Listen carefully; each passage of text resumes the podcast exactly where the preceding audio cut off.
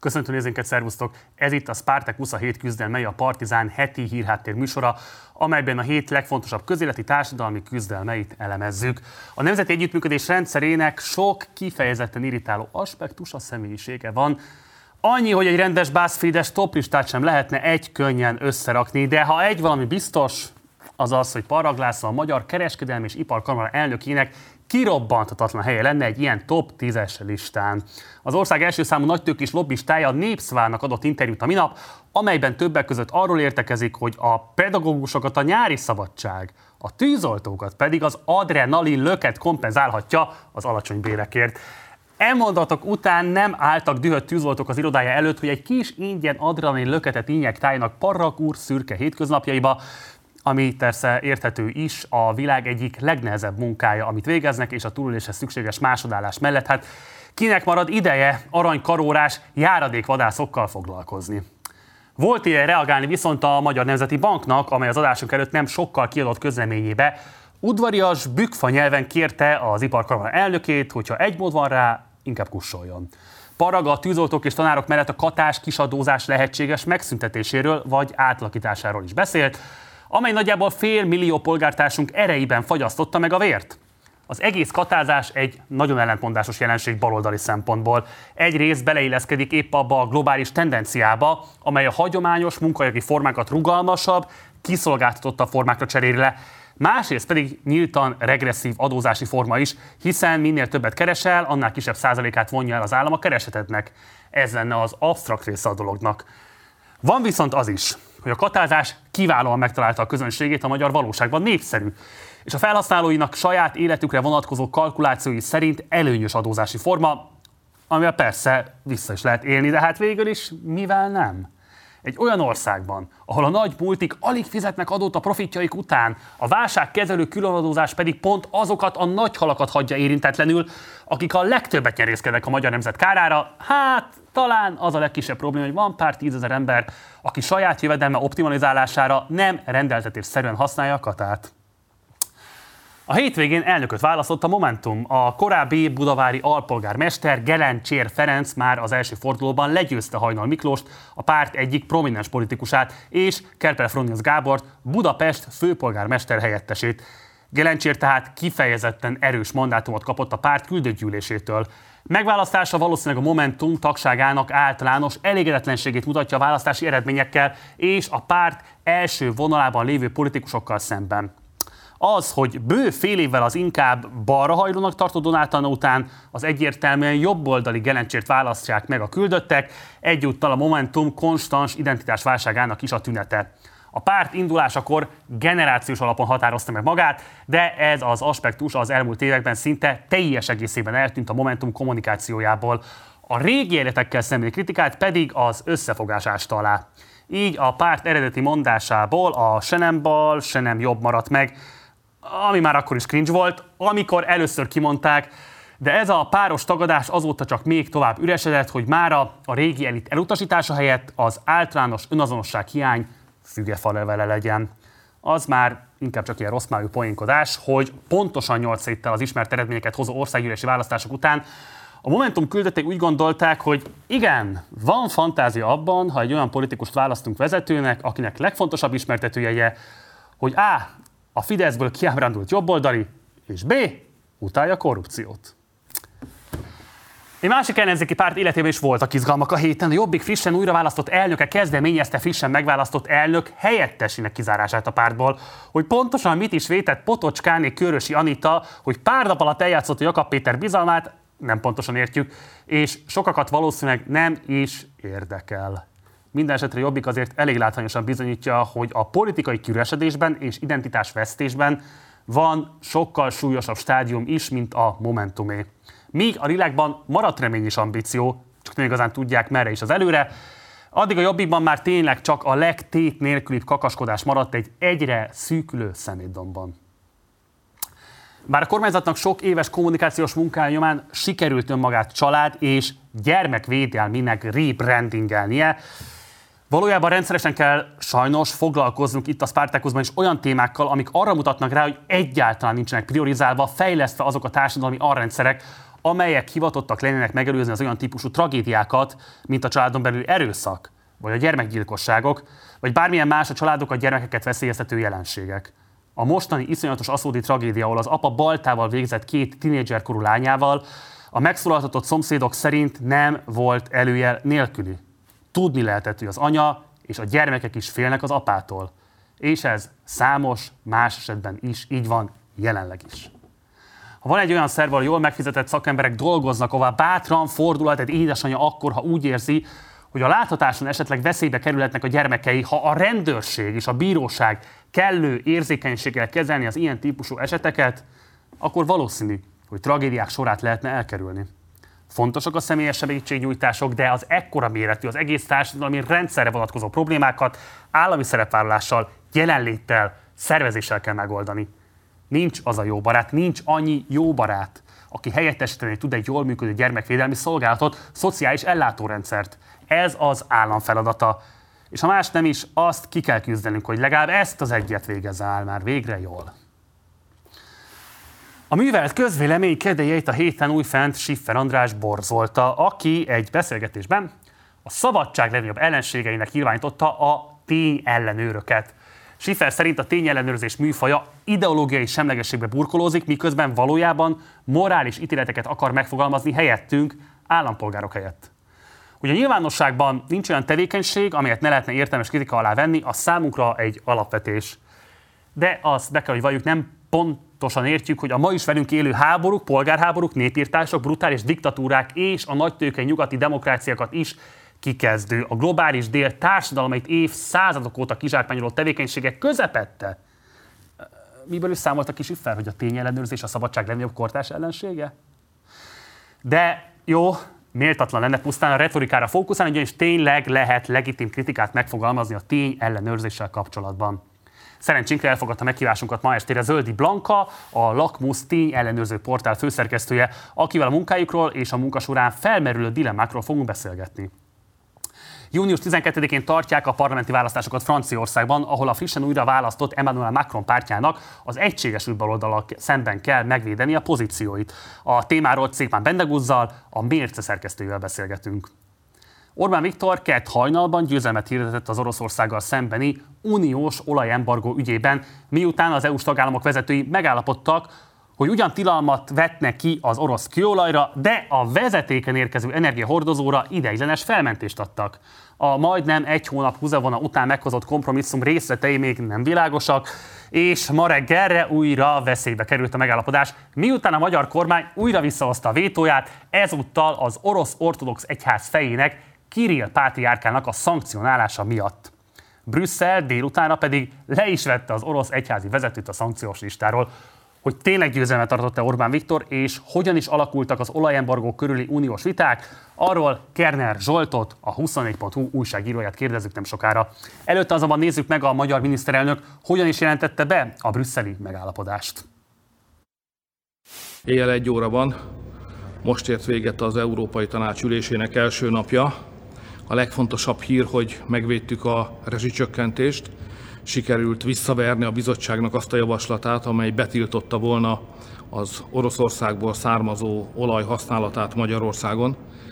Van elég bajunk ennélkül is, egekben vannak az energiaárak, magas az infláció és a szankciók miatt egész Európa egy világgazdasági válság szélén táncol. Ilyen körülmények között kibírhatatlan lett volna a számunkra, hogyha drágább olajjal kell működtetnünk a magyar gazdaságot, ez felért volna egy atombombával, de sikerült elkerülni. Egy olyan megállapodást hoztunk tető alá, amely kimondja, hogy azok az országok, amelyek az olajat csövön keresztül kapják, továbbra is a régi föltételekkel folytathatják a gazdálkodásukat. A családok ma este nyugodtan aludhatnak, a leghajmeresztőbb ötletet sikerült kivédeni. És folytatjuk a téma kitárgyalását. Itt ül már velem a stúdióban Kerner Zsolt, a 24.hu újságírója. Szervusz, köszönjük, hogy elfogadtad a meghívást. Hello, köszönöm, hogy meghívtatok. Ugye Ursula von der Leyen még május első napjában jelentette be a hatodik uh, szankciós csomagot, amely alapvetően uh, egy teljes orosz embargót jelentett, teljes orosz olajembargót jelentett volna. Itt a kérdés alapvetően az uh, felét, hogy mit, mit miatt uh, csúszott majdnem egy hónapig a megállapodás, míg korábban azt lehetett látni, hogy sokkal hamarabb sikerül uniós egységet kovácsolni az ilyen szankciós politikai megfontolások mögé. Hát most mondhatnánk azt, hogy leginkább Magyarország miatt, és igaz is lenne egyébként, de valójában az van, hogy ez egy tök nehéz feladat. Tehát az, bejelenteni azt, hogy teljes embargó lesz Oroszországgal szemben, az egyszerű megcsinálni, az nehéz. És ezt majd meglátjuk később, amikor esetleg a gázembargó ugye előkerül, mert az még talán ennél is nehezebb, de nem Magyarország volt az egyetlen olyan ország, aminek hát problémái voltak ezzel az egésszel. De akkor kérek, hogy rekonstruálj, tehát pontosan a Magyarország mellett még kik voltak azok a tagállamok, akik adott esetben akár a színfalak mögött, akár látványosan a színfalak előtt érdemben próbálták megalakítani ezt a szankciós csomagot? Hát ugye ez most visszakapcsolódik oda, hogy győzelemet érte el Orbán Viktor, mert szerintem egyébként győzelmet érte még egy csomó mindenki más is ezzel kapcsolatban. Kik? Csehország például, Szlovákia, akik, és Bulgária, ami kifejezetten fontos. Ők a legelső, amikor Magyarország először vétóval fenyegetett ezzel az egésszel kapcsolatban, akkor ugye az első ajánlatban az volt benne, hogy kapunk még két évet a szlovákokkal együtt. Ez a gyakorlatban azt jelentette volna, hogy a MOL kap még két évet, mert a nagy, hát ezekben, ebben két országban a MOL az, aki ö, orosz gázt vesz. Ö, ebből kimaradt Csehország és kimaradt Bulgária is, és a végső megegyezésnek ugye nem tudjuk még részletét, mert azokat most ö, véglegesítik, de, de Csehország az bekerült a, a csövön érkező gázzal kapcsolatos mentességek közé, és Bulgária is valamilyen módon, ezt egyébként ők maguk jelentették be, mentességet kapott. Ők, hát Csehország nem, de Bulgária azt hiszem, hogy megszabott időre, tehát talán 2024-ig vagy valami ilyesmi kapott mentességet, tehát hogy ők, ők egyértelműen nyertesei ennek az egésznek. Nyilván Németországon lehet ezzel kapcsolatban vitatkozni, hogy, hogy a németek hogy állnak ehhez az egészhez. Német politika az sokkal nem tudom, merkantilistább lett, de inkább ilyen, ilyen összezavarodott az utóbbi időben. Az, hogy a németek végső soron támogatják ezt az egészet, azt szerintem az mutatja meg, hogy ők is mentességet kaptak volna a csőben érkező gázzal kapcsolatban, viszont a németek és a lengyerek is közölték azt, hogy ők elállnak ettől. És ez az, amiről Ursula von der Leyen beszélt, hogy, vagy hát a Twitteren írt, hogy ez a, az Európa bérkező olaj 90%-et érinteni fogja. Ez akkor 90%, hogyha Németország és Lengyelország nem vesz tovább olajat csövön keresztül. Mert beszéljünk arról is, hogy most ugye kinyílt igazából a megkötött alkú, és hogy milyen új elemek kerültek most bele, de hogyha visszamegyünk a keddi állapotra, akkor ott igazából milyen elemei voltak, milyen szankciókat tartalmazott az akkor elfogadott csomag? A, ahhoz, hogy ez, ezt így elmondjuk, az meg kell érteni valamennyire az EU működését. Ugye itt ezek a politikusok, ezek egy ilyen szándéknyilatkozatot fogadnak el. Tehát az Európai Unió tanácsának csúcsülésein ezek a konklúziók, amit végső soron elfogadnak, ez egy viszonylag homályosan megfogalmazott politikai szöveg. Tehát nem ez a konkrét szankció. A konkrét szankció, ahogy azt ma láttuk, azt az állandó képviselőknek, az EU-ba küldött nagyköveteknek a tanács, a Koreper állítja össze, és ezt még meg kell szavaznia minden egyes EU miniszternek az Európai Tanácsban, ami a miniszterekből áll. Szóval nem teljesen tudni azt, hogy, hogy mik a részletek, és ezzel kapcsolatban még mindig vannak kérdések egyébként. Például a Kirill Patriárka ügye, aki ugye fölmerült a magyar kormányban, hogy talán mégse kéne felrakni erre a listára, ami szerintem egy kifejezetten érdekes sztori, mert ugye, ahogy elmondtam, az Európai Unió tanácsának a csúcsülésén alapvetően politikai ügyekről vitatkoznak. Később a Koreper az, az a, a részleteket, a szakmai ügyeket vitatja át. És az Orbán kormány értékelése szerint az, hogy Kirill Pátriárka rajta van-e a szankciós listán, az egy részletkérdés, vagy szakmai ügy ezek szerint, és nem politikai. Mert ugye nagyjából mindenki azt mondta, hogy az Orbán ezt nem hozta föl a, a De most akkor most arra utalsz, hogy ez egy taktikai megküzdés volt az Orbán részéről, hogy ott nem tematizálta ezt a kérdést, jóváhagyását hagyta ehhez a tervhez, és aztán két nappal később pedig, amikor volt lehetősége, becsúsztatta. Ugye most ezt el is fogadták, tehát végül is egyébként ez egy sikeres manőver volt. Mi állhat szerinted mögött a mozgás mögött? Nekem két elméletem van nyilván nem tudjuk, hogy valójában mi a mögött, az valószínűleg Orbán Viktor fejében van, meg a, a serpáinak, meg az EU-val foglalkozó emberének a fejében. Az egyik az azt próbáljuk meg jó hiszeműen azt gondolni, hogy Orbán Viktor komolyan gondolja azt, amit mondott, és, és szerinte valóban sérti a vallásszabadságot, hogyha egy olyan egyházi vezetőt szankcionálunk, amely egyháznak egyébként Magyarországon vannak hívei, ez az orosz ortodox egyház. Ugye Orbán Viktor viszonya a Kirill Pátriárkához az nagyjából ugyanolyan, mint Ferenc pápához, hiszen Orbán Viktor református, tehát egy egyik egyházi vezető felhatósága alá se tartozik. A különbség valószínűleg annyi, hogy Kirill Pátriárkával sokkal több mindenben érte egyet valószínűleg, mint, mint Ferenc pápával, tehát ez a jó hiszemű állapot. A másik pedig az, hogy Magyarország ugyan mentességet kapott arra, hogy csövön olajat vegyen Oroszországtól, viszont amit tudunk a, az ilyen plegykák meg részletinformációkból, továbbra is tiltani fogják azt, hogy a már finomított, tehát a Pozsonyban vagy Budapest vagy Szászhalombatán finomított olajat továbbadjuk külföldre. És akár az is lehet, hogy ez a kiriapátriákes megakasztás, ez egy, ez egy olyan technika volt, amivel meg, meg szerette volna próbálni elérni azt, hogy ezzel a mentességet kapjon. Ez ugye viszonylag fontos része annak, hogy a MOL hogyan tudja ezt a 480 forintos hatósági benzinárat előállítani.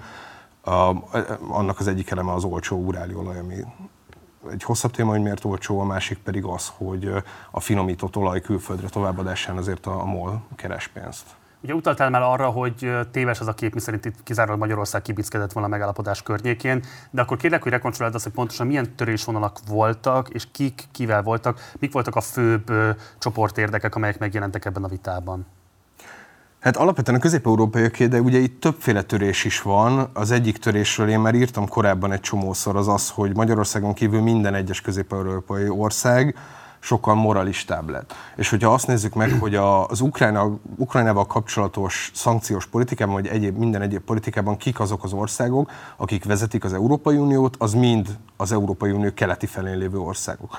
Baltikum, Közép-Európa mindenki. Magyarország az a kivétel, aki sokkal pragmatikusabban viszonyul a Ukrajna és Oroszország háborújához, mint a többi ország. Ugye a többiek azok gyakorlatilag ilyen, tehát a klasszikus liberális internacionalizmus elvei szerint működnek, hogy van egy morális jó, és akkor azt szerint kell cselekedni, és azt szerint hajlandóak vagyunk beáldozni uh, pragmatikus értékeket is. De közben meg ugye, hogyha a pragmatikus értékekkel kapcsolatos töréseket nézzük, akkor van egy csomó olyan ország, ahol sokkal nehezebb leállni az olasz olajról, mint, mint máshol. Nyilván Kelet-Európa nagy része az közelebb is van Oroszországhoz, nagyobb a kitettség az orosz energiának, ott sokkal nehezebb leválni, mint Nyugat-Európában. Ilyen szempontból szerintem teljesen érthető probléma is az, hogy a kelet-európai országok nagy része az valamilyen módon szeretne segítséget ebben. Az, hogy, az, hogy az Európai Unió minden egyes döntése mostanra egy ilyen, nem is foci, mert ott viszont egyértelmű, hogy győztes, de hogy valamilyen olyan sportmeset, amit utána elemzünk, hogy akkor ki győzött, ki meg ki a pontokat, azt szerintem egy tök érdekes fejlemény ezek a szervezetek alapvetően, tehát nem az van, hogy Magyar, van Magyarország és van az Európai Unió, hanem Magyarország része az Európai Uniónak. Ezek a szervezetek, ezek multilaterális együttműködésre vannak kitalálva, és arra, hogy a végén mindenkinek jó legyen, és hogy egy közös célt érjünk el. Ebből ennek része volt mindig az egyébként, hogy minden egyes megegyezés után, hogyha hazamentek a tagállamokba a vezetők, akkor otthon mindenkinek megadta az EU a lehetőséget arra, hogy elmondhassa, hogy mekkorát nyert. Tehát ez bele van építve a rendszerbe, hogy minden egyes EU csúcs után, meg minden egyes költségvetési után, költségvetési vita után a miniszterelnök hazamenjen szépen és elmondja, hogy kiharcoltuk, megküzdöttük, ilyesmi. Orbán Viktor ebből a szempontból annyit újított, hogy olyan meccseket is, is behoz ebbe, amik valójában nem is történtek meg, és, és azokat is győzelemként jelenti meg. És, és szerintem ez most ilyen egyébként. Tehát, hogy ez, ez nem egy Magyarország kontra mm, Európai Unió meccs volt, hanem ez arról szólt, hogy az Európai Unió tud, meg tud-e hozni egy korszakos lépést arra, hogy leálljon az orosz gázról. Visszatérve a kérdésedre, hogy kik voltak a, a törésvonalak, nagyjából ez egyébként csak mindenki más máshogy gondolkodik ebben. Pontosan milyen kivételeket sikerült elérni a kormánynak, és ennek milyen gazdasági hatásai várhatóak a te megítélésed szerint? Hát nem vagyok közgazdász, és nem is szeretném tévében, hogy nyilvánosan azt mondani, hogy az vagyok, mert abból voltak már bajok. Akkor a politikai jellegüket elemez, kérlek. Uh, ugye részleteket még nem tudunk. Azt tudni, hogy van ez a barátság kőolajvezeték, ami Ukrajnán keresztül Magyarországra olajat hoz Oroszországból, uh, és hogy ezen keresztül továbbra is vehetünk majd kőolajat. Egy bizonyos ideig. Azt abban nem sikerült megegyezni, hogy néz ki, hogy mennyi ideig tart ez a kivétel. Tehát Orbán Viktor nem az harcolta ki, hogy örökké tudjunk olajat venni kőolajvezetéken keresztül, hanem az, hogy tudjunk olajat venni egy darabig. És aztán majd visszatérnek a kérdésre, hogy mikor kell erről pontosan leállni. Ez az, amit egyelőre tudunk. A részleteket azok, hogy ugye most dolgozzák ki, majd nyilván, hogyha elfogadják, akkor ezeket, pont, ezeket pontosabban tudjuk. Így valószínűleg könnyebb lesz egyébként fenntartani ezt a hatósági üzemanyagárat, ami, ami most van. Egyébként nehezebb lenne, de úgy, hogy amikor Orbán, Orbán Viktor azt mondta, vagy azt írta a Facebookon, hogy az apa férfi, az anya nő, a benzin 480, annak mind a három állítása csak azért igaz, mert ő azt mondja, hogy az igaz. Tehát, hogy minden, minden, és ugyanúgy viszonyulnak a valósághoz. A benzin nem 480, a benzint azért adják 480-ért, mert a magyar kormány úgy döntött, hogy 480-ért kell adni. Az, hogy ez mennyivel könnyebb vagy nehezebb fenntartani egy ilyen megegyezés után, az már másik kérdés. Eddig könnyebb volt, és úgy néz ki, hogy mostantól is könnyebb lesz, mert viszonylag nyomott áru orosz olajat vehetünk, ami segíteni fog ebben, és egyébként segíteni fog abban is valószínűleg, hogy a magyar kormány a, ugye az extra profitadók kivetésével valamennyire le tudja tömni a költségvetésben lévő lyukokat. Arról van-e információ, hogy mi egyébként tovább értékesíthetjük-e az orosz kőolajat? Ez az, amit még nem tudni, vagy legalábbis addig ez nem derült ki, amíg el nem kezdtünk beszélgetni. Az igen, hogy Kirill Patriarket levették. Ugye ezt még meg kell szavazni az Európai Tanácsban valójában ezeket a szankciókat. Én nem láttam, hogy döntöttek volna erről, vagy hogy nyilvánosságra került volna bármilyen döntés ezzel kapcsolatban, de ez valószínűleg ez a legfontosabb kérdés a magyar gazdasággal kapcsolatban a jövőben. Ugye az ukrán külügy eléggé hevesen reagált a magyar kormány vezetékes vonatkozó mentességi kérelmére. Van-e szerinted esély arra, hogy kifejezetten Ukrajna leállítsa a területén átfolyó orosz kőolajt? Azért egy háború közepén állunk, és egy háborúban nem csak erős mondások, hanem ilyen erős cselekedetek is vannak, tehát tényleg bármire van esély egy megtámadott ország az gyakran olyan érzelmi állapotban van, hogy így egészen bátor és akár vakmerő dolgokat is meghozhat. Egy csomó racionális ellenérv szól az ellen, hogy miért ne történjen semmi a barátság kőolajvezetékkel. Egyrészt az, hogy ebből nem csak Magyarországra jön gáz, hanem a, vagy olaj, hanem az itt finomított olaj megy vissza Ukrajnába is, tehát ez az ukránoknak is jó.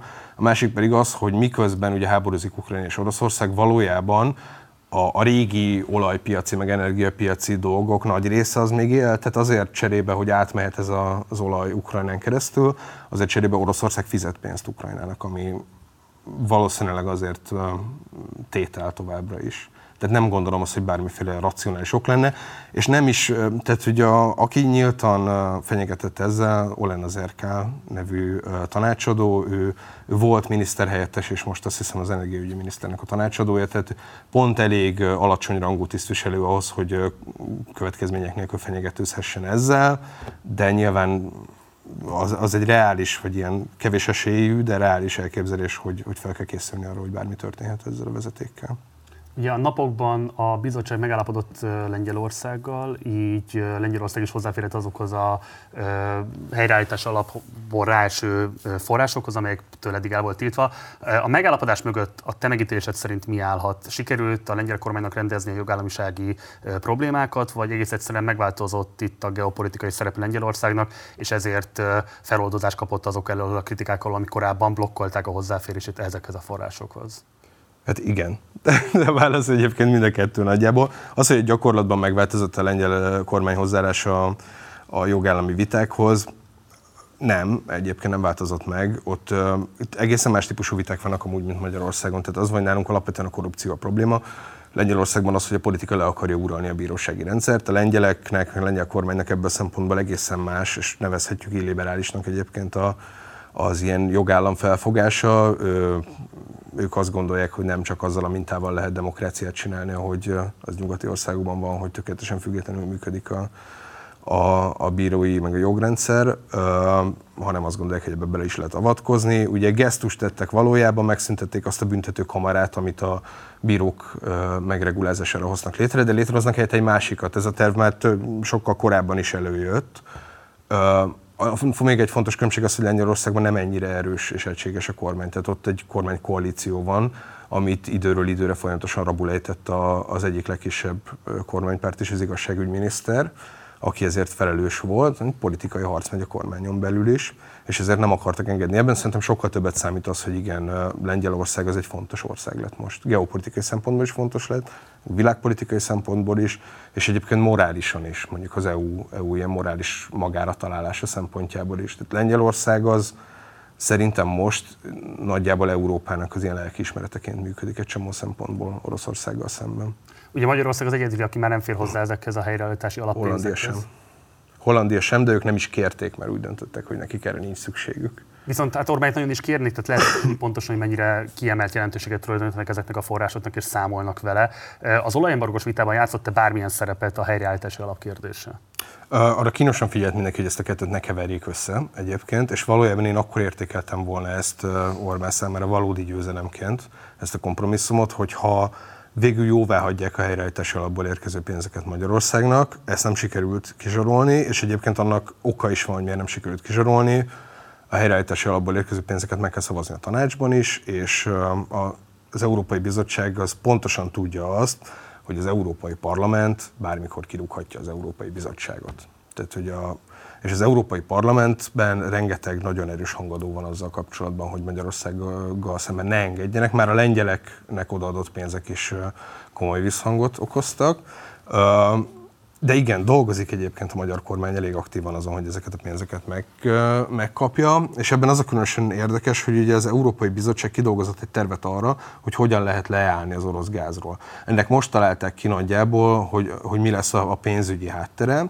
Ez a Repower EU nevű csomag, és a Repower EU nevű csomagnak a nagy része, 80%-ánál is több, azt hiszem, az a helyreállítási alapból származik.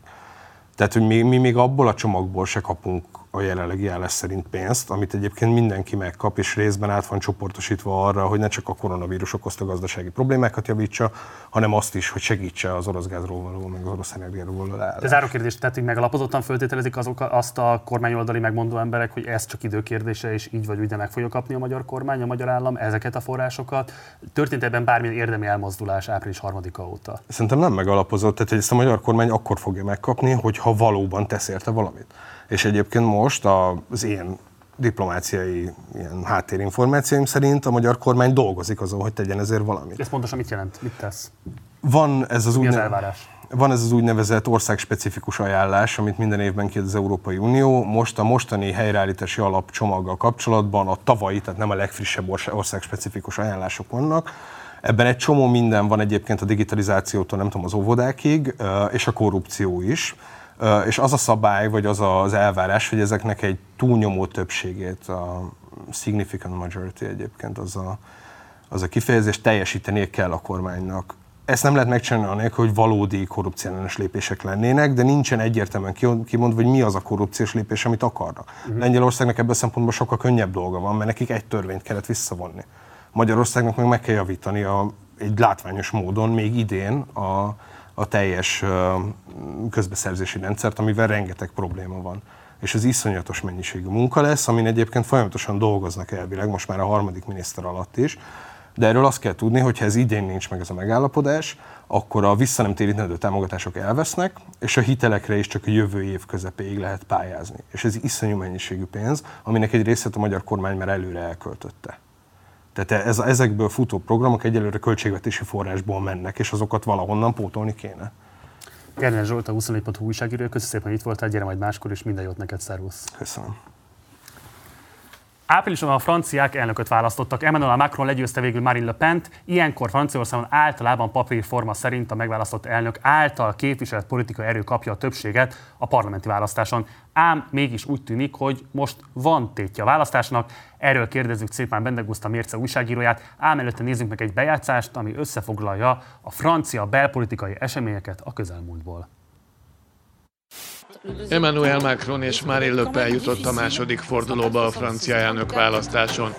A francia elnök köszönetet mondott az első fordulóban harmadik helyen végző jelöltnek, Jean-Luc Mélenchonnak is, aki arra kérte szavazóit, hogy a második fordulóban Macronra szavazzanak. Franciaországban Emmanuel Macron nyerte az elnökválasztást szélsőjobboldali kihívójával Marine Le Pennel szemben. Azt is tudom, hogy sok honfitársunk ma rám szavazott, de nem azért, hogy támogassa az általam képviselt eszméket, hanem hogy megakadályozza a szélső jobboldal eszméit. Ezt szeretném megköszönni nekik. Tudatában vagyok annak, hogy ez a szavazat az elkövetkező évekre engem is kötelez, mondta Emmanuel Macron. The French Socialist Party has ratified a left coalition alliance that hopes to challenge President Emmanuel Macron at June's parliamentary elections. After hours of sometimes tense debates, a large majority of the council's members voted in favour. Nous allons devoir cheminer We're going to have to move forward from now on. Jean Luc Mélenchon has taken on a lot of responsibility this evening. He's now the only hope for the left and the Greens. Écologistes. Jean-Luc Mélenchon, who just failed to make the presidential runoff in April, is looking for a majority of MPs.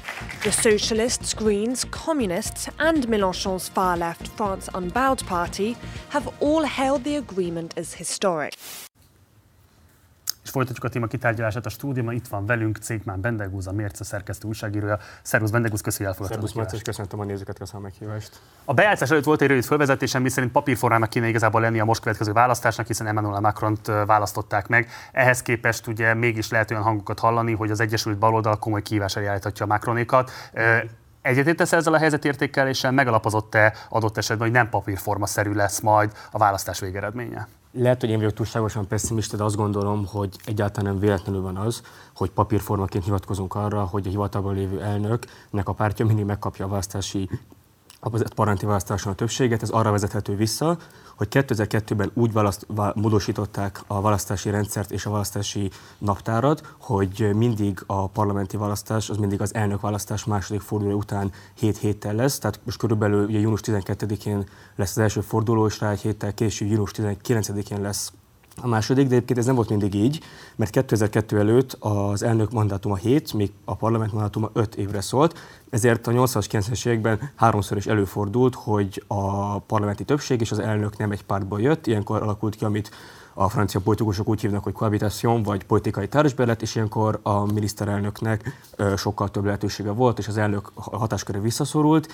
és egyébként a mandatumbestések arra mutatnak, hogy idén is ez fog megtörténni, és tulajdonképpen azok a hangok, amelyek azt mondják, hogy a baloldalnak most több esélye van ö, nyerni, az egyrészt két dologra vezethető vissza. Egyrészt arra, hogy vannak ezek az országos felmérések, amelyek azt mutatják, hogy nagyon szoros a különbség a három tábor között. Valamelyik azt mondja, hogy a baloldali koalíció, meg az a neve, hogy Nouvelle Union Populaire Écologique et Sociale, ami azt jelenti, hogy új ökológiai, szociális népi unió szövetség, majdnem beéri Macront, de a helyzet az, hogy ezek országos tendenciákat mutatnak, miközben Franciaországban tisztán egyéni választókerületes rendszer van, a parlamentben, az alsóházban, az Assemblée Nationalban, nemzetgyűlésben 577 képviselő van, és azt látjuk, hogy nem igazán, tehát, hogy hiába, hogy országosan valaki erős, az nem jelenti azt, hogy több mandátum lesz. 2017-ben is például a bejátszóban is látott szocialista párt hiába, hogy történelmi szenvedett, viszont sokkal több mandátuma lehetünk mondjuk a Mélenchon féle France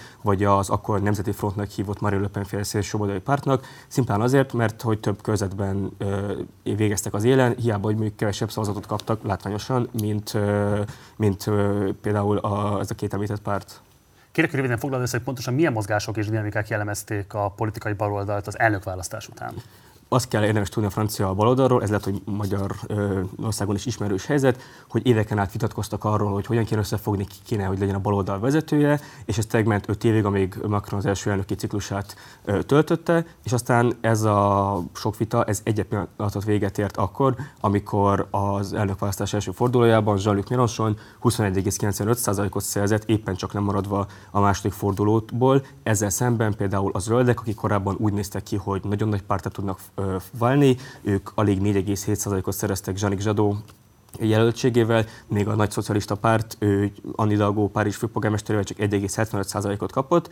Ez egy nagyon kiúzanító eredmény volt, és így nagyon hamar összeállt ez a megállapodás, amiben megállapodtak ezek a baloldali pártok, hogy mind az 577 körzetben közös jelölteket indítanak, és ebben azt is lehet látni, hogy a megosztásban hatalmas többsége van a France Insoumise-nak, az 577 körzetből 326-ban ők indítanak jelöltet, a zöldek kaptak 100 körzetet, ebből nem olyan sok egyébként a befutó, tehát lehet a felese a befutó, ahol van esély a baloldalnak.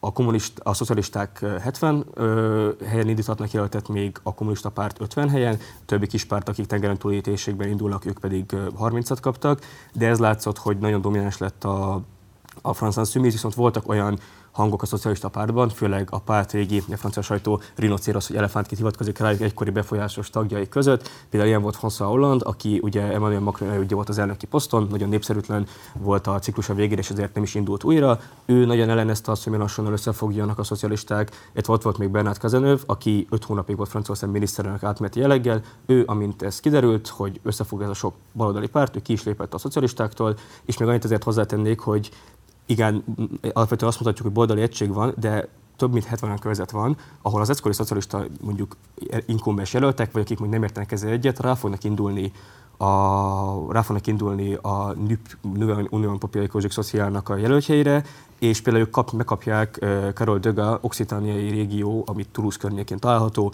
támogatását is, tehát igazából még vannak olyan befolyásos tagjai a pártnak, akik nem értenek egyet azzal, hogy összefogni a radikális baloldalal, és ez még okozhat meglepetéseket. Ha Mélenchonnak ez a többségi terve meg, megvalósulna, egy radbalos parlamenti többségnek mekkora mozgástere lehetne Macron elnöksége alatt? Ugye tényleg ezt le kell ez nagyon teoretikus pont az említett dolgok miatt, de abban az esetben, hogyha tényleg Mélenchonék többséget szereznének, akkor el lehetne, azt, azt ki lehet jelenteni, hogy akkor Emmanuel Macronnak majdnem az összes politikai elképzelésének búcsút kéne mondania, mert ugye alapvetően azt gondoljuk, hogy a francia politikai berendezkedés nagyon elnökközpontú, és az elnök a legfontosabb szereplő, de ez egyébként nem alapvetően mondjuk az alkotmányból következő dolog, részben igen, de ez részben politikai hagyományok eredménye is, és az alkotmány például azt mondja, hogy majdnem minden olyan téma, ami a belpolitikát érinti, az a miniszterelnök és a parlamenti többség hatásköre, és olyan az esetben, tehát amikor 80-as években François Mitterrand, illetve utódja Jacques Chirac alatt előfordult, hogy hogy jobboldali elnöknek baloldali miniszterelnöke, baloldalnak jobboldali volt, akkor bizony az elnök nem igazán tudott sok mindent tenni,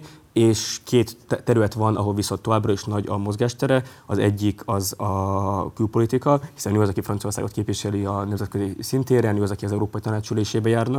A másik pedig a védelmi politika, és hogy ezekben a témákban még abban is befolyásolhat az elnöknek egy ilyen feltételezett politikai társbérlet esetén, hogy ki mondjuk a külügyminiszter, ki a védelmi miniszter, illetve amit még tudna tenni, Macron, hogyha nagyon nem tudná elfogadni azt, hogy Mélenchonék többségben vannak, hogy döntetne arról, hogy feloszlatja a parlamentet, és ebben nem is kéne beleegyezést kérnie a, a, a, a parlamentnek, vagy a miniszterelnöknek, csak közölni kell velük, hogy ez fog történni, és erre volt példa egyébként a 80-as és 90-es években, de ez kicsi az esély, ez megtörténne, tehát igen. Mennyiben folytatás a mostani kampány, az elnökválasztási kampánynak? Tehát mennyiben sikerült az, az esetben most a baloldali tömnek új témákat a adott esetben, alternatívát kínálni például akár az infláció, akár a bevándorlókkal kapcsolatos társadalmi konfliktusok kezelésére? Egyáltalán milyen témák tematizálják az ő oldalukat? Először kezdeném azzal, mennyire folytatás a kampány. Itt Melanson szerintem nagyon ügyesen felismerte azt, hogy ezzel a tényleg meglepően jó eredményével jó momentumot kapott, amit egy olyan amit kiadja ki, hogy az Zicser lenne nem továbbvinni. Ezért már rögtön azt mondta, hogy, hogy igazából a törvényhozási választás az az elnökválasztás harmadik fordulója lesz, tehát itt folytatódik a küzdelem, és ez azért is jó, mert bár nyilvánvalóan Mélenchon is tudja, hogy nagyon pici az esély annak, hogy, hogy mondjuk miniszterelnök lesz, arra nagyon jó ez a fajta kommunikáció, hogy aktivizálja a szavazótábort, hiszen a törvényhozási választásokon, hiszen nyár közepén vannak, alig valamivel az elnökválasztás után, mindig sokkal kisebb a részvétel, 17-ben például kevesebb, mint 50% volt, így most meg aktivizálva lesz, és ez a szemben például Marine Le Pen, aki nagyon sokáig eltűnt, ő annyit mondott, amikor visszatért, hogy hát úgysem lesz nekünk parlamenti többségünk, de mi leszünk az ellenzék vezetői, ez nem igazán motiválja az embereket, és ami témákat illeti, azt kell mondani, hogy nagyon sok mindenben ugye kellett kompromisszot hozni a Mélenchonnak, de számos ö, nagyon karakteresen baloldali ö, és jóléti államok szélesen kiszélesítő elképzelése lenne, ilyen például, hogy a nyugdíjkorhatárt 62-ről 60-ra csökkentenék, 1500 eurós nettó minimálbért vezetnének be azonnal, ez most nettóban 1200 euró körül mozog, tehát ez jelentős lenne. A környezeti témákban is nagyon sok kemény vállalásuk volt, illetve az egészségügyben például teljes körű állami egészségbiztosítást vezetnének be, mert Franciaországban van ez a ö, ilyen bónuszbiztosítós, ilyen külön biztosítós rendszer, tehát nem mindent áll mondjuk a társadalombiztosítás, és ők ezt kiterjesztenék, és például a bevándorlás kérdésében ők nyilvánvalóan ezt nem fogják annyira tematizálni, mert ez alapvetően a szélsőbbnek így a mozgástere, illetve erre ez egy olyan dolog, amire csak így ritkán lehet, akkor nagyon jól, de ritkán lehet igazán felépíteni meg tartósan politikát, de például a rendőrséget úgy reformálnák meg, hogy ahelyett, hogy ilyen centralizált és nagyon mondjuk lesz sok esetben tényleg erőszakosan vagy erősen fellépő rendőrség helyett olyan rendőrséget akarnak megvalósítani, mindig közel van a, a, az adott közösség lakóihoz, és ott úgy, hogy police de proximité, hogy ott mozog közöttük, és így mondjuk az, ez azzal kampányolnak, hogy ebben az esetben el lehet kerülni azt, hogy a rendőrségek erőszakosan kell felépnie, mert már a deeszkalációt is végre tudja hajtani, anélkül, hogy erőszakot kéne alkalmaznia. Hát érhetően fogjuk követni a választási eredményeket majd. Bendegúz, nagyon szépen köszönjük, hogy voltál velünk. Szépen Bendegúz, amiért szerkesztő újságírja, köszönjük, voltál. A héten bontakozott ki a sajtóban egy izgalmas vita, miután Siffer András erős kritikával élt az úgynevezett tényellenőrző újságírással szemben. Most nézzük meg az ominózus részletet a kontextus videójában, aztán pedig érkezik hozzánk a lakmus.hu főszerkesztője, Zöldi Blanka. A Facebookon a Twitteren, a TikTokon is a legbrutálisabb, véresebb képsorokat, erőszakos jeleneteket föl lehet tenni, nem cenzúrázák, mert, mert érdekük, mert mondjuk éppen egy orosz nem tudom, lő agyon egy ukránt, ezek fönt lehetnek. Ha olyat akarsz megnézni, én megint csak vettem a fáradtságot, utána néztem, ezért kerültem egyébként a lakmusz és a mögött álló körök úgy magukat tényellenőrzőknek nevező, de majd egy YouTube videóban lerántom róluk is a leplet, hogy valójában nem tényellenőrzők, hanem kiszolgálói megint csak egy, egy körnek, egy politikának. Ezért kerültem a célkeresztbe, mert én veszem a fáradtságot, és megnézem, hogy a másik oldalon vannak-e ilyenek, és bizony látom, amikor, és, és ilyen videóról ugye beszéltem, megnéztem, amikor uh, ukrán, illetve grúz önkéntesek uh, módszeresen egyenként lövik agyon a megkötözött, uh, egyébként magukat megadó orosz katonákat, eléggé megrázó és nyers videó. Megnéztem, de ahhoz nekem a Telegramra kellett fölmennem. És még a tényellenőrökre szerintem érdemes rákanyarodni, tudni, abban szerintem jó világosan fogalmazni, hogy ezek a tényellenőrök, ezek ma a szabadság legnagyobb ellenségei a világon. Ezeknek a tényellenőröknek az a dolguk, hogy ne gondolkodj. Hogy ők majd megmondják, hogy mik a tények. Ha te eleve ellenszemvel viseltettél a marxizmus-leninizmussal szemben, akkor pontosan tudtad, hogy amit neked a rendszer felkínál, azzal neked nincsen dolgod. Ehhez képest, amit most látunk, hogy ők nem csak hogy tényellenőrök, ők független objektívek. Ők azt a játékot játszák, amit valójában már a 20. század második felében is a technokrata politika játszott, hogy úgy tételezik magukat, mint hogyha ők ideológiailag semlegesek lennének, mint hogyha ők fölötte állnának mindenben.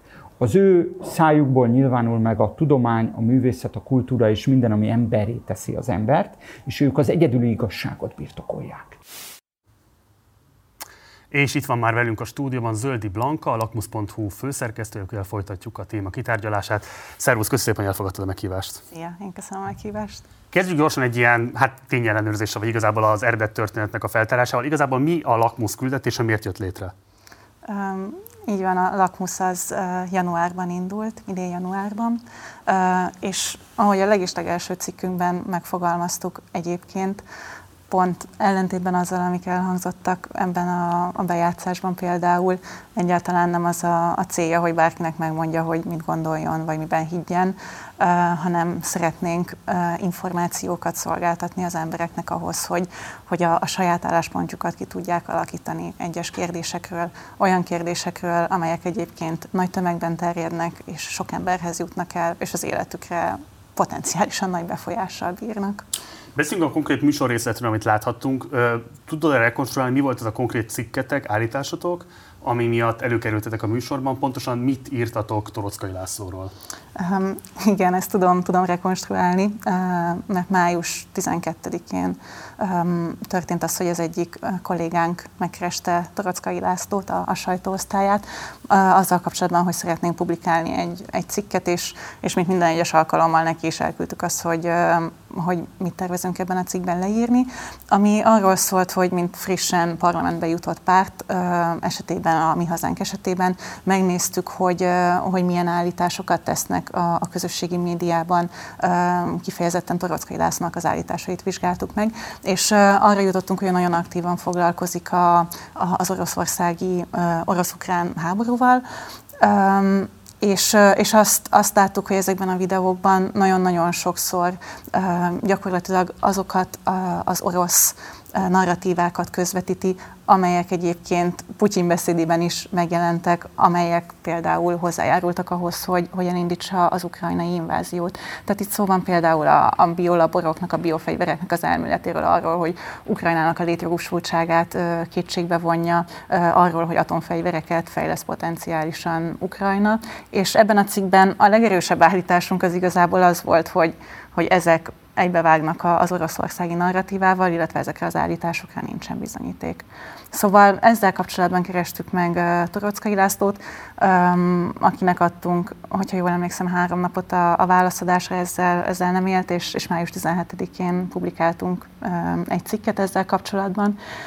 Majd egy héttel később ő publikált egy, egy videót, amiben elment az amerikai nagykövetség elé, és kinyomtatta az újságírónk által küldött kérdéseket, és utána még tízszer elismételte körülbelül a nevét a, a videóban ami, ami igazából számomra azért, azért volt érdekes, mert, mert magára a kérdésekre nem válaszolt. Azt mondta, hogy ez, ez nagyon, nagyon nagy tehát lehetetlenség lenne ennyi idő alatt válaszolni.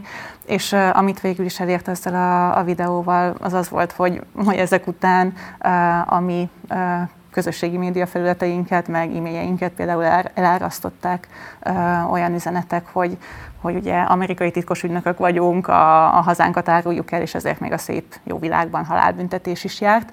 Tehát körülbelül ilyen ilyen előjátékkal indult meg ez, a, ez az egész diskurzus, meg erről a tényellenőrzésről, aminek én egyébként nagyon örülök, hogy erről vita van, ez, ez tök jó, viszont, viszont abból a, a kiindulásból, hát hogy mondjam, ez egy, ez egy nehéz terep, amikor onnan indulunk, hogy mi vagyunk a, a szabadság legnagyobb ellenségei. Én azt javasolnám, hogy az ilyen retorikai karcosságot most tegyük is félre, mm. viszont van egy-két olyan szubstantív kérdés amiről érdemes lenne mégiscsak beszélni a tényellenőrzés kapcsán.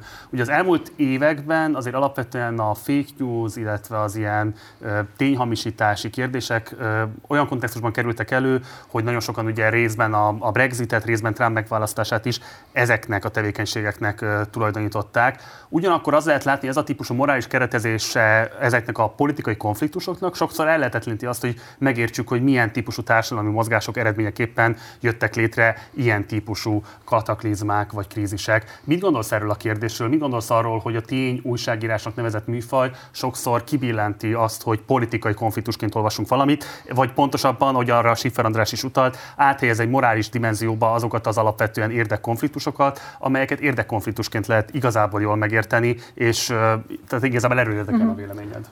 Abszolút, ez egy, ez egy nagyon-nagyon releváns kérdés, és egyébként tényleg sajnálom, hogy, hogy nem, nem ebből indult ki a, a diskurzus, mert Ugye, amit viszont nagyon fontosnak tartok leszögezni, az, hogy, hogy, hogy, hogy minket ugye a cenzorokhoz hasonlítottak ebben a videóban, de hát erről, erről szó sincsen, mert nekünk nincsenek ilyen jogosítványaink, hogy, hogy bárkit töröljünk az internetről, vagy, vagy bizonyos hangokat elhallgattassunk. Bocsáss meg, nem, is... nem közben akarok venni, csak de, pe... hát nem is az a célzás, amit megjelenik, hogy ti törölnétek, vagy bármilyen módon is ellehetetlenítenétek embereket, de azzal, hogy mondjuk valamilyen hírnek, eseménynek a megalapozottságát, vagy a cáfalatáról kijelentítek azt, hogy nem megalapozott, az feltétlenül bír valamilyen fajta verifikáló, vagy adott esetben delegitimáló funkcióval is. Felteszem, hogy erről szól a kritika. Um, így van, ez, ez abszolút lehetséges, és amire az előző kérdésben utaltál, hogy, hogy akkor ezt egy ilyen morális térbe helyezi, és, és hogy ellehetetleníti a, az egyéb, egyéb vitákat ezzel kapcsolatban. Um, nem vagyunk kizárólagosak, és igenis fontosak, fontosak ezek a viták, viszont azt látjuk, hogy ebben a, a, jelenlegi igazán-igazán polarizált társadalomban ugye mindenkinek megvan a, a saját igazsága, és borzasztó nehéz egyébként egymással bármilyen közös alapot teremteni arra, hogy, hogy egyébként kommunikáljunk. És itt vannak a, az olyan, olyan globális problémák egyébként, mint teszem azt a globális felmelegedés, a koronavírus, amiről csak akkor tudunk egyébként ilyen nagyon-nagyon fontos diskurzusokat lefolytatni, hogyha, hogyha van valamilyen közös alapunk. És és attól még, hogy, hogy valaki azt mondja, hogy, hogy akkor most megmutatom, hogy bizonyos állítások mögött vannak-e bizonyítékok, felvonultatok statisztikákat például.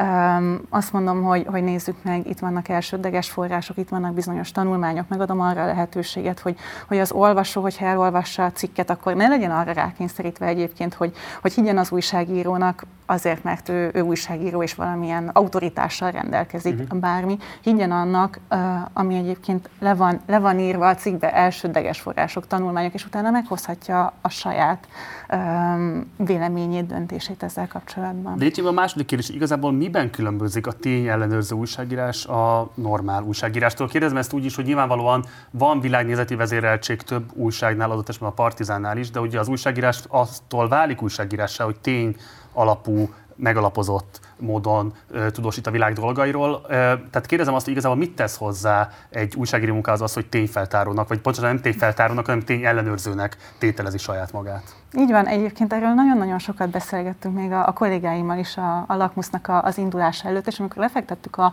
a módszertanunkat, egy csomó esetben mi is, mi is ide jutottunk, hogy, hogy mi van a módszertanunkban, igazából eléggé alapvető újságírói sztenderdeket fektettünk le azzal kapcsolatban, hogy lehetőség szerint um, például nem névtelen forrásokkal dolgozunk, hanem hogyha az megengedi, akkor névvel vállalják a nyilatkozataikat. Az, hogy elküldjük a, a kérdéseket a cikk megjelenése előtt az érintetteknek, az, hogy több forrásból megpróbálunk megerősíteni valamit, tehát mi ezeket explicit vállaljuk, ilyen szempontból saját magunkkal szigorú alapelveket követünk, és de akkor én... klasszikus újságírás. Ez, ez ilyen szempontból klasszikus De akkor miért újságírás. újságírásnak Így van. Um, Azért, mert, mert kialakult egy, egy ilyen műfaj, ami kifejezetten erre koncentrál, és azért mondjuk azt, hogy tényelőző, azért, mert egyébként a bármelyik más híróságnál például vannak másféle műfajuk. Uh-huh. Tehát, hogy, hogy ott van, persze lehet, nagyon-nagyon nagy létjogosultsága van annak, hogy, hogy vidéki riportokat csináljanak az emberek, azt, hogy politikai jellemző műsorokat csináljanak.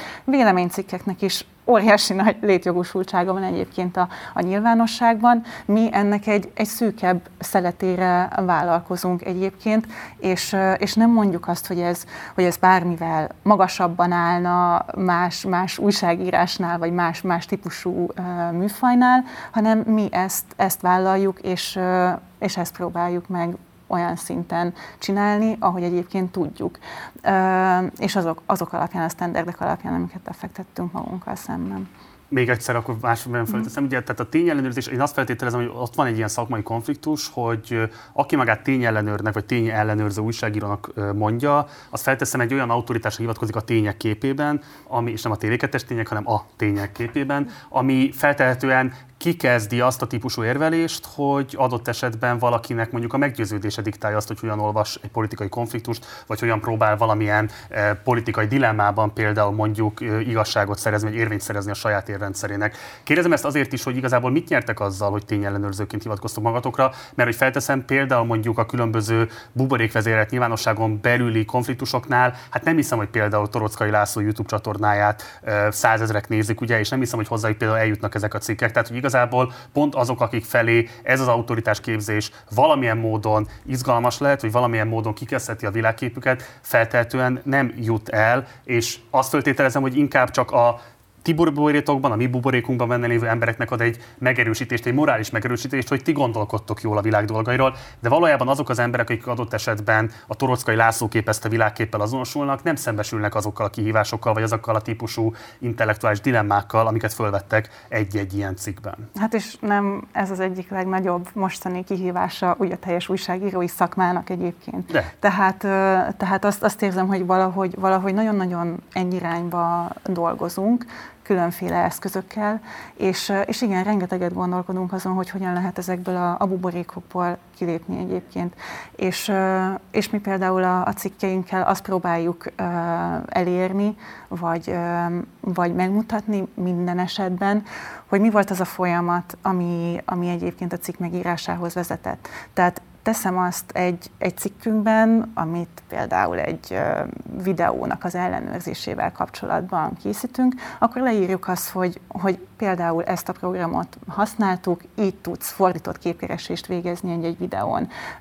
Hajrá, hogyha, hogyha valaki ezt a későbbiekben szeretné megcsinálni, akkor egy másik, másik hír kapcsán ugyanezt meg tudja csinálni. De egyébként um, ugyanilyen ilyen szempontból ez igazából egy ilyen tanulási folyamat, nekünk is újságíróként, meg, a, meg az olvasóknak is egy, egy tanulási folyamat, azzal kapcsolatban, hogy, hogy hogyan tudunk úgy beszélni, nem feltétlenül a világnézetileg teljesen más hitrendszerben, teljesen buborékba mm. zárt emberekhez, hanem, hanem egyébként a bizonytalanokhoz, akik mm. azt mondják, hogy, hogy nem vagyok benne biztos, hogy, hogy ez, a, ez az információ, ez, ez valódi, ez igaz, szeretnék valamilyen iránymutatást kérni arra vonatkozóan, hogy hol tudok ennek utána nézni. És szerintem az, az nagyon-nagyon fontos, hogy, hogy egyébként az ilyenfajta kritikus gondolkodás segítsük elő. Azt mondani, hogy, hogy igen, egyébként vegyük a, az ukrán konfliktusnak a, a helyzetét, írtunk arról cikket, hogy iszonyú nehéz ebben a, a konfliktusban tájékozódni, azért, mert egy háború szituációban mind a két fél dezinformációkat terjeszt, hazudik az egyik fél is, hazudik a másik fél is. Egyszerűen ö, olyan, olyan okok miatt, ö, ami ebből a, a teljesen ö, ö, lehetetlen hadi származik. Ennek a mértéke azért egészen egészen eltérő, azt látjuk. Viszont azt meg fontos kiemelni, és ebben a cikkben is erről írtunk, hogy, hogy az ember például hogyan tud megfelelő források ból tájékozódni. Tehát az, hogy hogyan tudja például visszakövetni azt, hogy egy, egy információ milyen forrásból származik. Arra neked van megfejtésed, vagy a szerkesztőségen belül beszéltetek arról, hogy miért van az, hogy a tényellenőrző újságírás idehaza és nemzetközi viszonylatban is ilyen komoly, erős, felkorbácsolt érzelmeket vált ki? Én azt érzem, hogy, hogy pont az olyanféle ilyen árnyékboxolós, szalmabábos érvelések miatt, amikor, amikor nagyobb szerepet tulajdonítanak neki egyébként, mint, mint amilyen valójában, amikor, amikor arról beszélnek, hogy, hogy itt uh, eltörlés van, véleménydiktatúra, és, és, hogy, és hogy mi cenzúrázni fogjuk az internetet, amiről, amiről egyébként nincsen szó. Tehát én, én ebben látom ezt a, a nagyon, hát ilyen szempontból ilyen, ilyen háborús ellenérzést egyrészt a tényellenőrzés iránt, másrészt pedig azt a, a saját személyes tapasztalatból is tudjuk, hogy, hogy ez azért nagyon-nagyon kellemetlen tud lenni, hogyha, hogyha a saját hitrendszerünkben valami egy kicsit megpiszkál, egy, uh-huh. egy, kicsit, egy kicsit megbillent. Tehát persze, hogy sokkal kényelmesebb azt hallani, hogy, hogy abszolút igaz az, amiben, amiben én hiszek, és egyébként ez, ez, egy, ez egy kognitív kérdés is, hogy, hogy, hogy, hogy látszanak egyébként arra, arra kutatások például, hogy, hogy, hogy az emberek hajlamosak még akkor is a, a, a hamis információt továbbra is elhinni, hogyha annak már olvasták a, a cáfolatát. Azért, mert ez, ez diszonanciát kelt, ben, bennük, azért, mert, mert ez kényelmetlenséget okoz.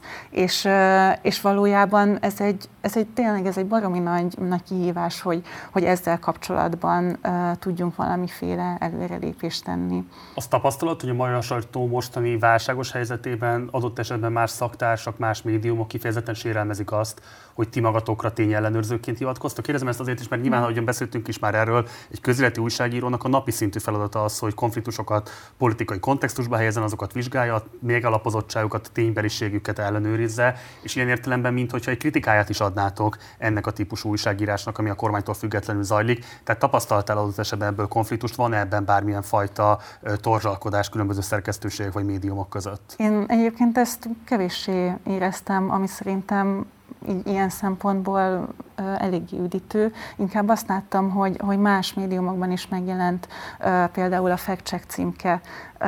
A Telex például elkezdett egy, egy ilyen vonalat képviselni. A 24-en is voltak ilyen típusú cikkek, és az az igazság, hogy, hogy mi, tehát őszintén nagyon-nagyon örülnénk neki, hogyha, hogyha több, több ilyen kezdeményezés lenne, és egyébként együtt tudnánk dolgozni, uh-huh. akár, akár tudás, tapasztalat megosztásban. Erre szerintem nagyon-nagyon jó példa, hogy, hogy, hogy mi ebben a projektben egyébként együtt dolgozunk a, a francia AFP ügynökséggel, egy konzorciumban, és mielőtt indult volna a Lakmus, ez a, az AFP hírügynökség, akik nemzetközileg nagyon sok országban végeznek hasonló munkát, eljöttek hozzánk és tartottak egy képzést.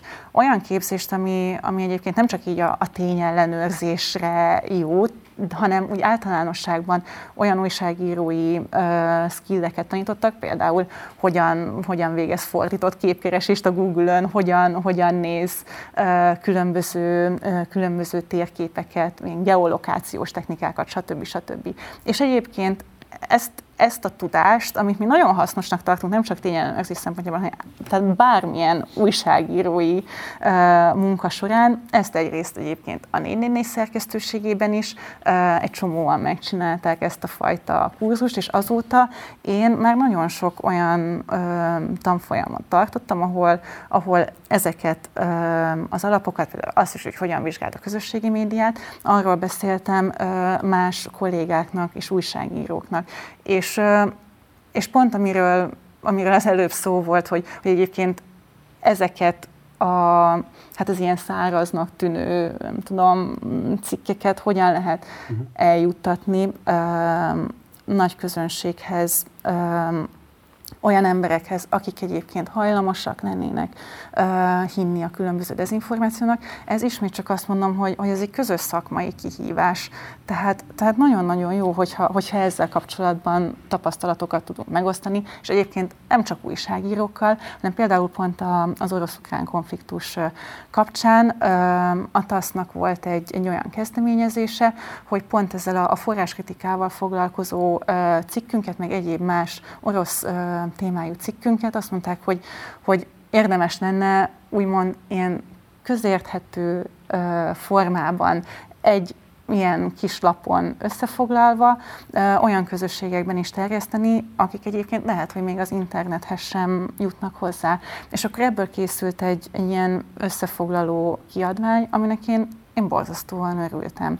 És, és remélem, hogy, hogy még, még több ilyen kezdeményezést tudunk majd csinálni a jövőben is. Egy záró kérdést engedj még meg. Van-e bennetek félsz arra vonatkozóan, hogy a tény alapú, vagy az ellenőrzött tényekre alapuló újságírás egy olyan típusú szakmai integritást feltételez saját magának, ami valamilyen módon mégiscsak megkülönbözteti az úgynevezetten hagyományos újságírástól. Tehát, hogy ez a típusú morális átkontextualizálása a politikai konfliktusoknak, amelyben érdekek ütköznek össze. Szóval ez idővel kitermelheti adott esetben a kormány oldalon is azt a típusú, nem tudom én, újságírói attitűdöt, vagy véleményformáló attitűdöt, hogy ők meg majd adott esetben alternatív tényekre fognak majd hivatkozni, mint hogy ezt ugye tették Trump idejében az Egyesült Államokban is. Tehát, hogy igazából az a típusú föllépés, amit ti most képviseltek, az lehet, hogy ideig óráig képes arra, hogy az általatok kívánatosnak tekintett tényalapúságba vigye vissza a politikai konfliktusok tárgyalását, de idővel ki fogja termelni ennek az ellen ágenseit is a kormány oldalon, és végén egyébként ugyanott leszünk, ahol a part szakad,